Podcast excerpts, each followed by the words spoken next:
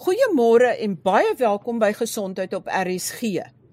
Ek gesels ver oggend met 'n longspesialis en spesifieke kinderlongspesialis oor sistiese fibrose.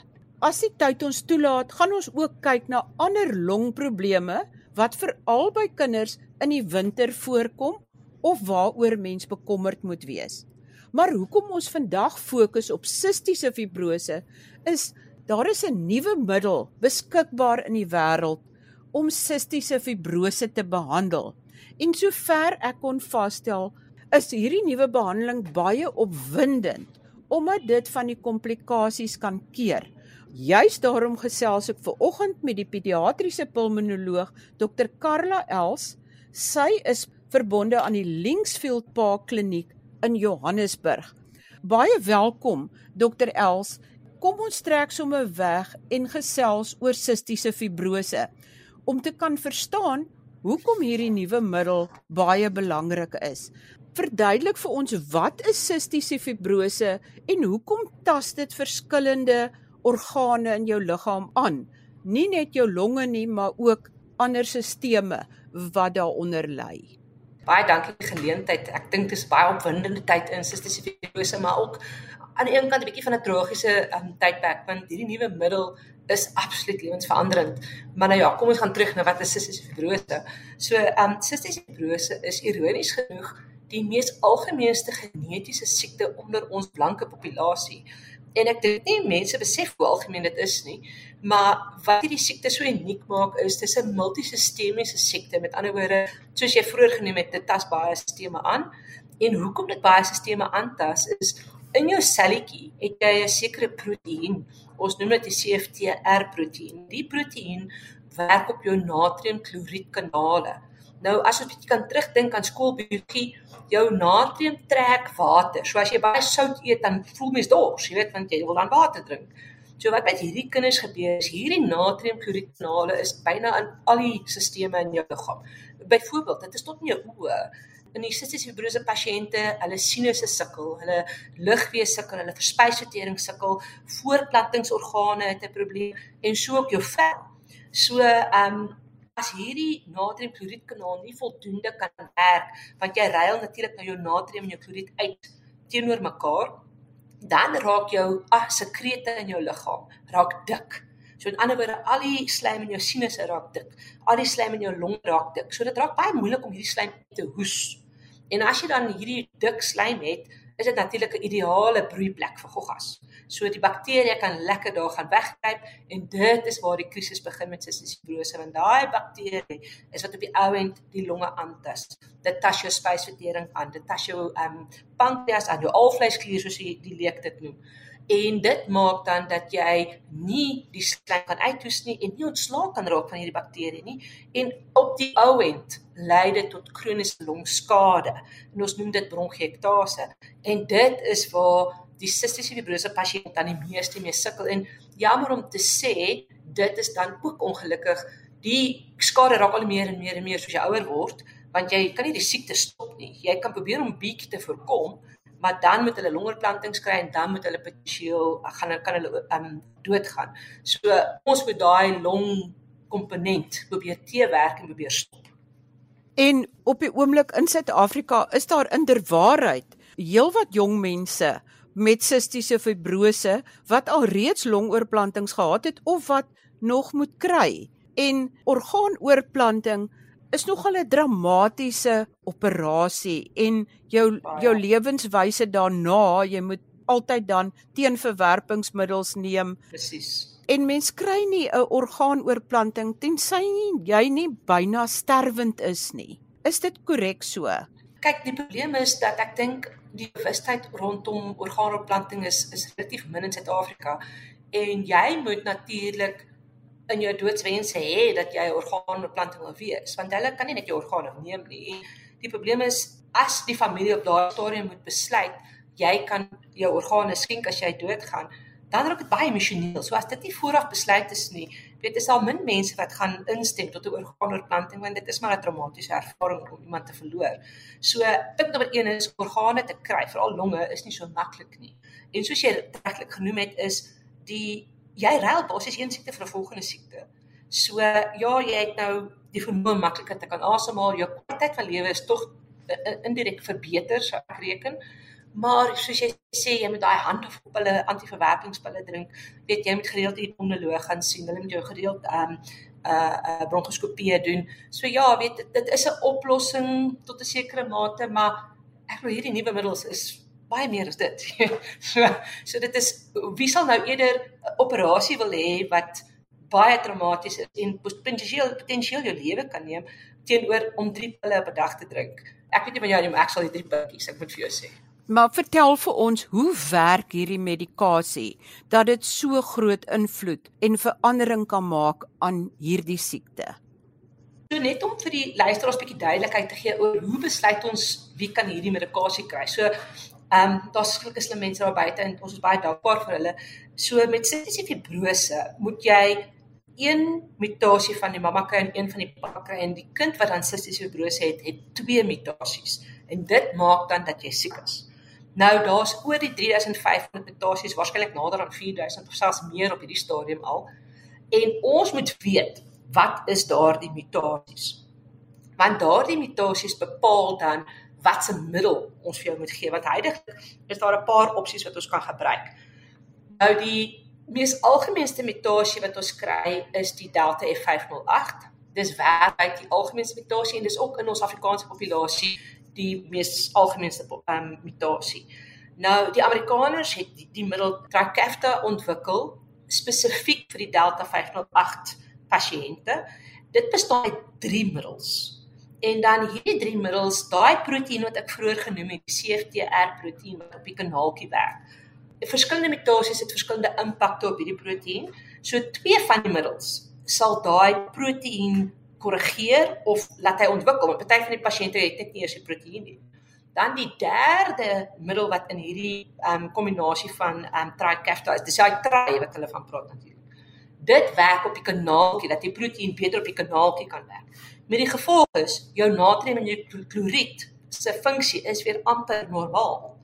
En ek wil so eintlik op 'n cellulêre vlak korrigeer ons die sistiese fibrose tot 'n sekere mate. Dis nou wel nie 'n genetiese manipulasie wat ons doen nie, maar 'n cellulêre manipulasie.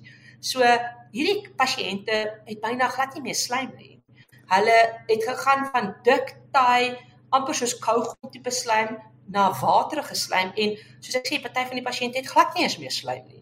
Jy weet so, so dit het massiewe implikasies want waar die patogenese is dat jy die slaim maak dat die bakterieë vassit dat dit skade doen.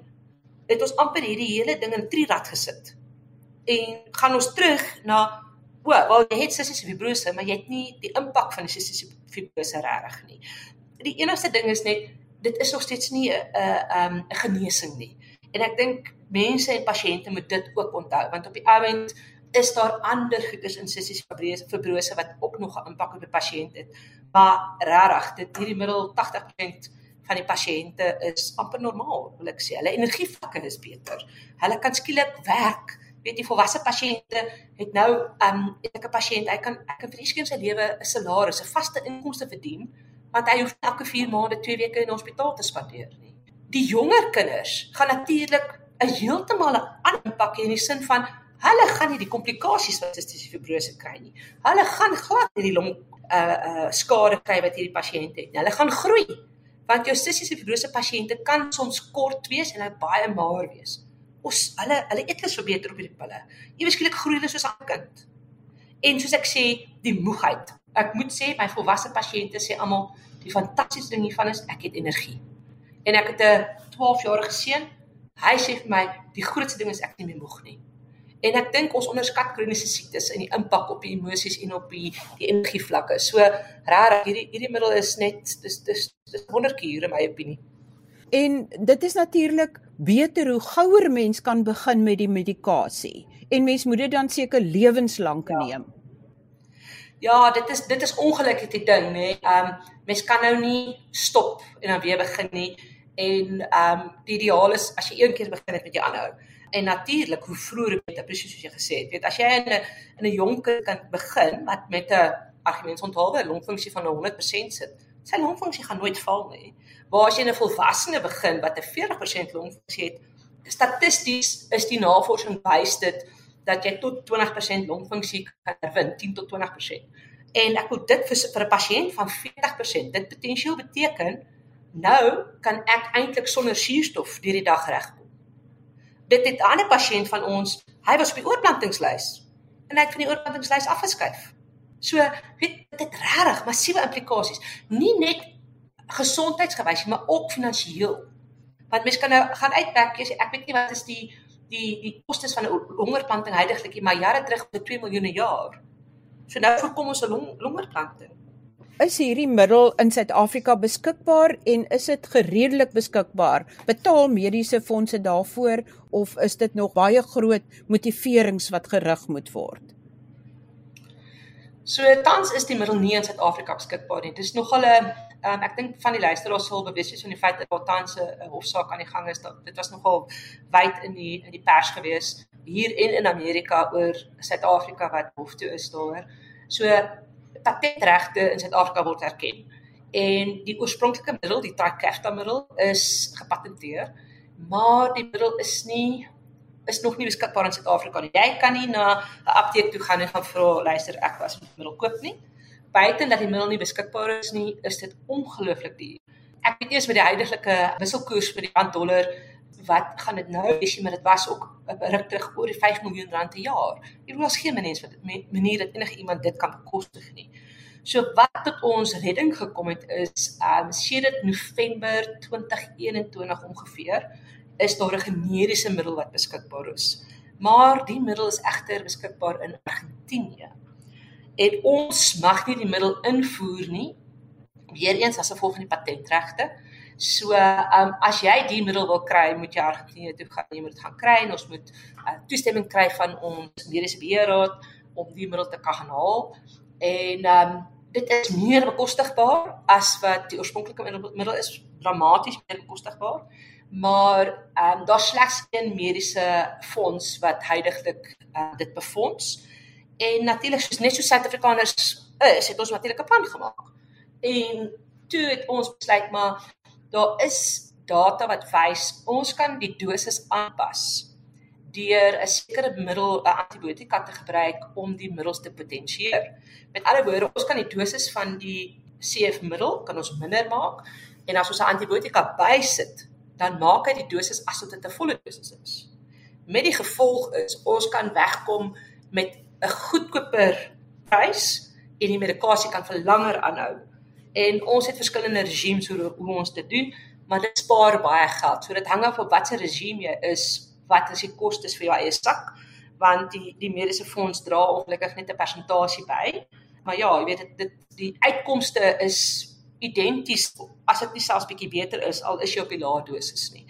So hooplik sal ons meer pasiënte so kan bereik, maar tragies genoeg is dit is private pasiënte. Daar is nie 'n staatspasiënt wat hierdie voordeel kan trek. Dit is net onbekostigbaar vir hulle. So ons staatsinstansie sal aan boord kom sodat ons dit vir almal kan kry en sodat ons hierdie geveg kan beklei met hierdie farmaseutiese maatskappye sodat hulle dit kosbekostigbaar kan maak. Want tans is dit net dis buite bereik vir die algemene populasie en en dit is net 'n totale tragedie want pasiënte gaan dood omdat dit te duur is.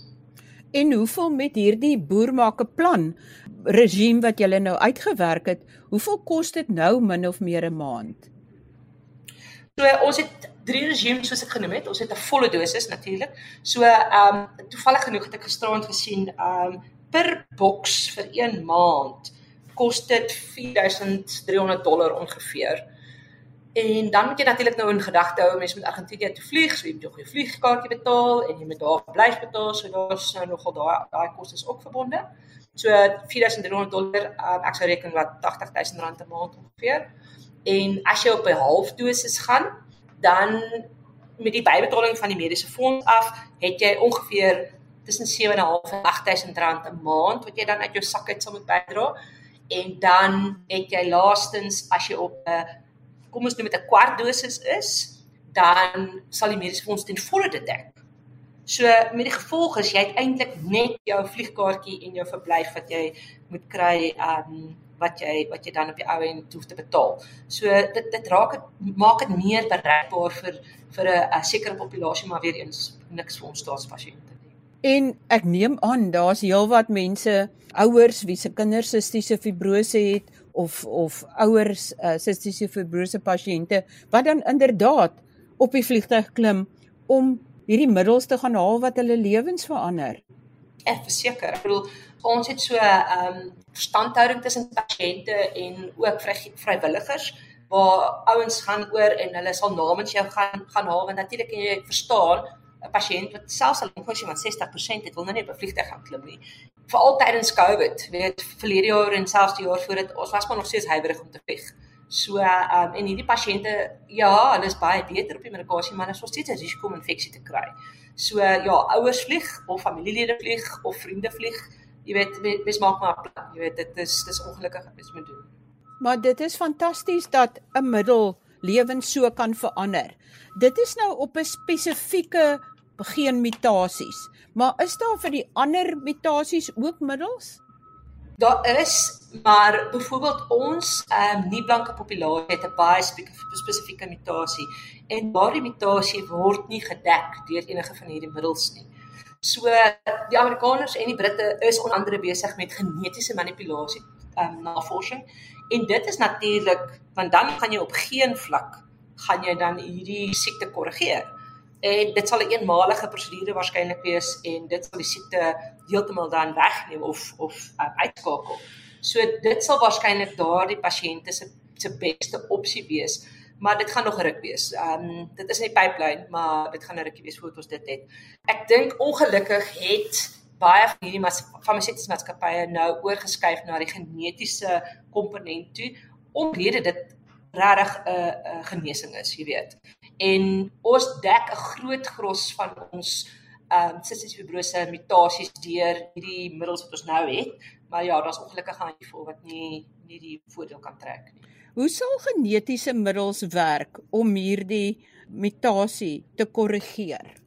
Ek is nie 100% op data met die genetiese manipulasie nie, maar hulle sal wat ons noem 'n vektor moet hê en ek ek dink dis waar die groot probleem inkom want ja, ehm um, Engels het op 'n stadium 'n tipe virus gebruik maar die replikasie van die selle was te vinnig geweest want jou respiratoriese selle repliseer te vinnig. So dan beteken dit jy moet meer gereeld hierdie prosedure neem. So dit sal waarskynlik 'n infuus van soorte wees en dan daardie infuus ehm um, hooplik sal dit 'n eenmalige gebeurtenis wees. Maar ja, ek ek gaan vir jou jok as ek vir jou meer detail moet gee. Ek sal daarna moet gaan kyk. Ek het nou nie spesifiek daarna gekyk. Dokter Els, dit is nou baie goeie nuus vir mense met sistiese fibrose wat regtig waar sonder hierdie medikasie nie 'n goeie of 'n lekker lewe het nie. En ek dink baie mense wat nou luister besef nie altyd hoe kroniese siektes 'n mens kan aantas nie. Maar dan kom ons sommer by die baie algemene dinge wat 'n kind se longe kan aantas. Watse tipe siektes sien julle nou of is julle oor bekommerd in kinders betreffende longprobleme? So ek dink enige mamma sal vir jou sê al die virusse. so ehm um, snaaks genoeg ons het baie influenza afgesien ehm um, laaste ruk so griep.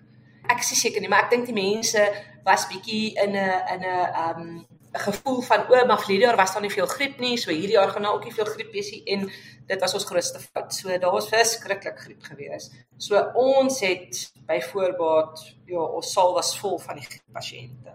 En ehm um, want hulle het natuurlik hulle griepinspuitings gehad nie en die die grootste verwarring is mense dink as jy eendag griep gehad het, gaan jy nie weer kan nie en dis nie waar nie. So ek dink dit is dis dalk dis wat baie mamas geleer het is nee, ons moet maar vir die griepinspuiting gaan.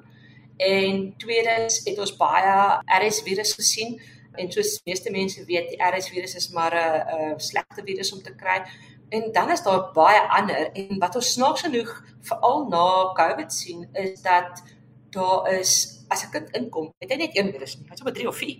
Jy weet en hulle is siek. So ehm um, so dis die groot ding vir my, ek sal nie noodwendig die akte pasiënt altyd sien nie ek sien baie keer meer die, die kind wat kompliseer of wat sukkel om oor dit te kom. Vir my is die is die probleem hoe meer virale infeksie die kinders kry, hoe groter is jou risiko om asma te ontwikkel. So dit is klassiek wat ek in my kantoor sien en ek wil vir jou sê van November af is my praktyk wil uit sy nate uitbars. Ek is ongelooflik besig en dis almal dieselfde. Dokter, my kind word nie siek nie. Hy hoes nou vir 5 tot 6 maande. Wat moet ons doen? Of dokter, my kind het skool begin en van tyd skool begin het, hou hy net nie op met hoes. En dan ongelukkig het ons nou ook sien soos julle al gehoor het seker in die nuus, ons sien baie kinkoes, pertussis. En dit kom weer in wat tydens Covid wat die 6-jariges en die 12-jariges nie hulle immunisasies gekry het nie en miskien die kleintjies ook nog. So ehm um, ons het pampuntjies gehad terug terug, ons het waterpokkies gehad terug. Ehm um, daar was masels uitbraak. So ehm um, ja, uh, kinkoes op die stadium is ook definitief aan die orde van die dag die 100 dae hoes soos die ou mense dit altyd genoem het, so hierdie mense, die kinders hoes maar vir lank. Maar ja, ek sou sê die komplikasies van virale infeksies is heidaglik aan die orde van die dag. Dink jy dat buiten die, die inperking en die vrees om COVID te kry, dat die hele ding oor die COVID-vaksin dalk mense twee keer laat dink om hulle kinders te laat inent teen ander siektes en die griepinspuiting te kry en die uh, kinkoes inenting te kry en al die ander inentings. Of dink jy nie dit het nie 'n impak op die immunisering nie? Ek moet vir jou eerlik sê as ek met pasiënte praat in my kantoor ons 'n handjie vol wat die argument het van o ja die COVID vaksin was 'n probleem en daarom is al die ander vaksines 'n probleem.